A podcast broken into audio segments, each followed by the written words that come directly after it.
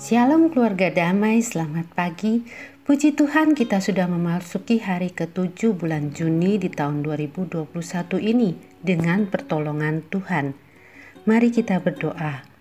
Allah Bapa Surgawi kami menghampiri hadiratmu untuk memohon hikmat agar kami dapat mengerti bagian-bagian dari Alkitab yang kami baca hari ini.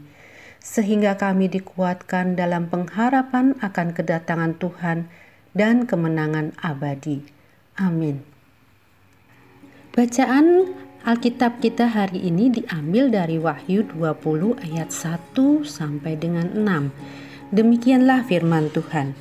Lalu aku melihat seorang malaikat turun dari surga memegang anak kunci jurang maut dan suatu rantai besar di tangannya. Ia menangkap naga, si ular tua itu, yaitu iblis dan setan, dan ia mengangkatnya seribu tahun lamanya.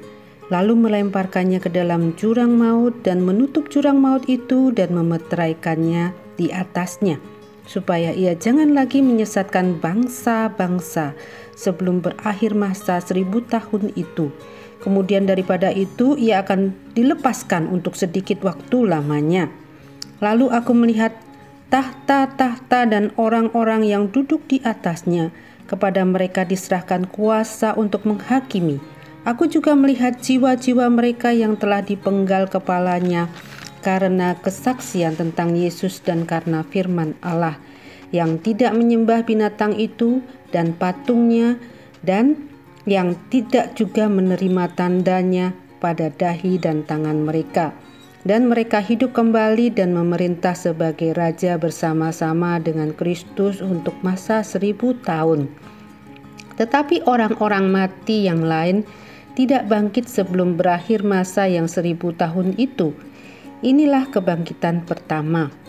Berbahagia dan kuduslah ia yang mendapat bagian dalam kebangkitan pertama itu kematian yang kedua tidak berkuasa lagi atas mereka, tetapi mereka akan menjadi imam-imam Allah dan Kristus, dan mereka akan memerintah sebagai raja bersama-sama dengan Dia seribu tahun lamanya.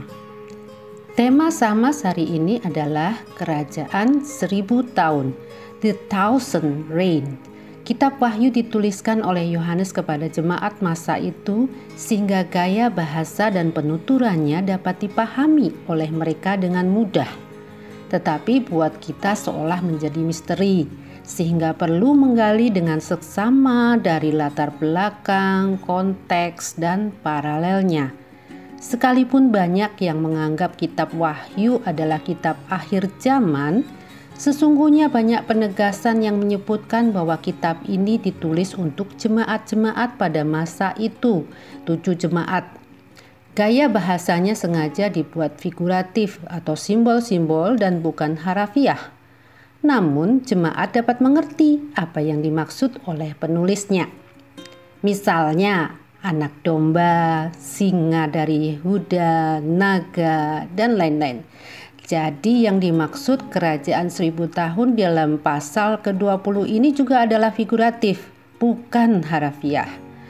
Tidak perlu kita menghitung uh, seribu tahun itu mulai tahun berapa, terus kemudian mengkultuskan Israel sebagai bangsa yang harus diberkati, terus mencari-cari tanda berdirinya kerajaan dengan melihat situasi saat ini di Israel secara harafiah.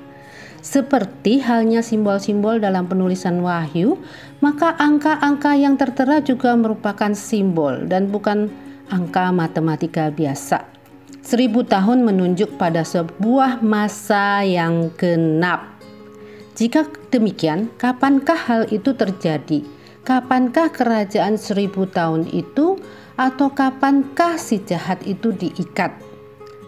Ada empat tipe penafsiran kerajaan seribu tahun. Post-tribulation premillennialism, pre-tribulation premillennialism. Kemudian ketiga post-millennialism dan yang terakhir amillennialism. Mudah-mudahan kita nanti punya kesempatan untuk belajar mengenai hal ini dalam PA atau penggalian yang lebih dalam.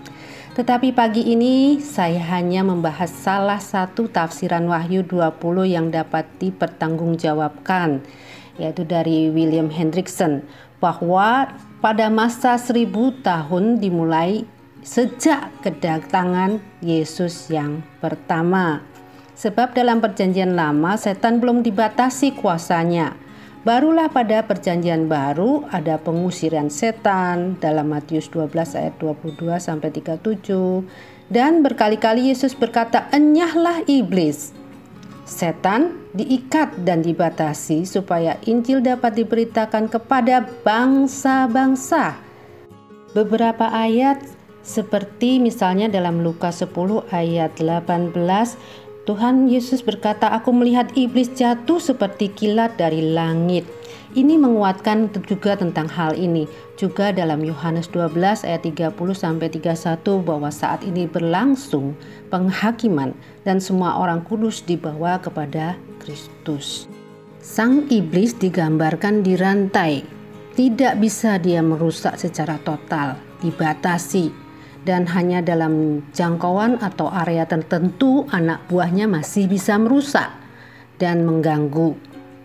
Kitab Wahyu ini ditulis sebagai penghiburan bagi jemaat yang sedang mengalami penderitaan dan mereka diberkati dikuatkan oleh penulis kitab ini ketika mereka dianiaya dan merasa tertekan terus-menerus ditindas dan seolah-olah kalah. Kitab Wahyu ini menunjukkan suatu fakta fakta yang lain, yaitu bahwa mereka sesungguhnya menang.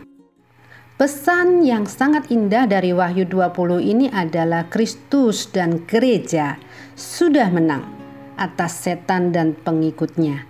Dan kedua, Kristus dan gereja menghakimi setan dan pengikutnya. Kitab Wahyu ini menyatakan begitu banyak hal-hal yang memuliakan dan meninggikan Kristus secara umum yaitu pada pertempuran lalu kemenangan Kristus dan gereja. Kristus adalah penguasa sejarah yang awal dan yang akhir. Anak domba yang menghapus dosa. Di atas salib, Kristus sudah menang dan merampas orang-orang pilihannya dari cengkeraman setan. Keluarga damai, penderitaan yang dialami oleh ketujuh jemaat dalam kitab Wahyu sangat mirip dengan penderitaan yang dialami oleh anak-anak Tuhan dari segala abad sepanjang sejarah. Sejak zaman kisah para rasul sampai saat ini tidak henti-hentinya gereja Tuhan mengalami penganiayaan, kesengsaraan, kesulitan ekonomi, sakit penyakit, dan sebagainya. Namun tidak binasa karena si ular tua yang disebut di ayat 2 tadi sudah diikat dalam waktu yang sangat genap. Seorang pengkhotbah mengatakan bahwa saat ini kita sudah mencicipi sedikit dari penderitaan itu. Satu setahun setengah masa pandemi ini sudah mengambil begitu banyak orang-orang yang kita kasihi. Pekerjaan kita, kebiasaan rutin, hobi, dan traveling kita, sekolah, reuni-reuni pertemuan keluarga semua diambil, bahkan kehidupan berjemaat. Di tempat pulau, negara atau benua lain juga ada penganiayaan terhadap jemaat dan anak-anak Tuhan. Tetapi Injil dengan leluasa masih diberitakan dan orang dari segala suku bangsa boleh mendengar, bukan hanya bangsa Israel. Para martir dan orang yang percaya hidup kembali seperti yang disebutkan di ayat 4. Kitab Wahyu yang didiktikan oleh Allah sendiri kepada Yohanes ini hendak memberitahu kepada kita sebuah janji yang indah. Sesungguhnya kita nanti akan tinggal bersama Allah. Tuhan Yesus dan gereja sudah menang dari peperangan dengan setan. Yohanes melihat orang-orang yang percaya yang sudah meninggal, para martir itu tinggal bersama Allah, turut menghakimi bersama Kristus dan orang-orang kudus ditinggikan. Mari kita berdoa.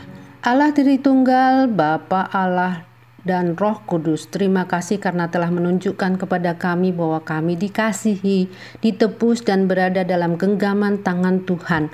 Hanya sedikit waktu saja kami berada dalam kemah kediaman yang sementara ini dimurnikan, dikuduskan dengan banyak peristiwa, tapi Engkau tetap menyertai. Tidak ada yang dapat memisahkan kami dari kasih Kristus, dan dalam semuanya itu kita lebih daripada orang-orang yang menang. Kristus sudah menang sekarang dan selama-lamanya. Terima kasih, Tuhan. Amin.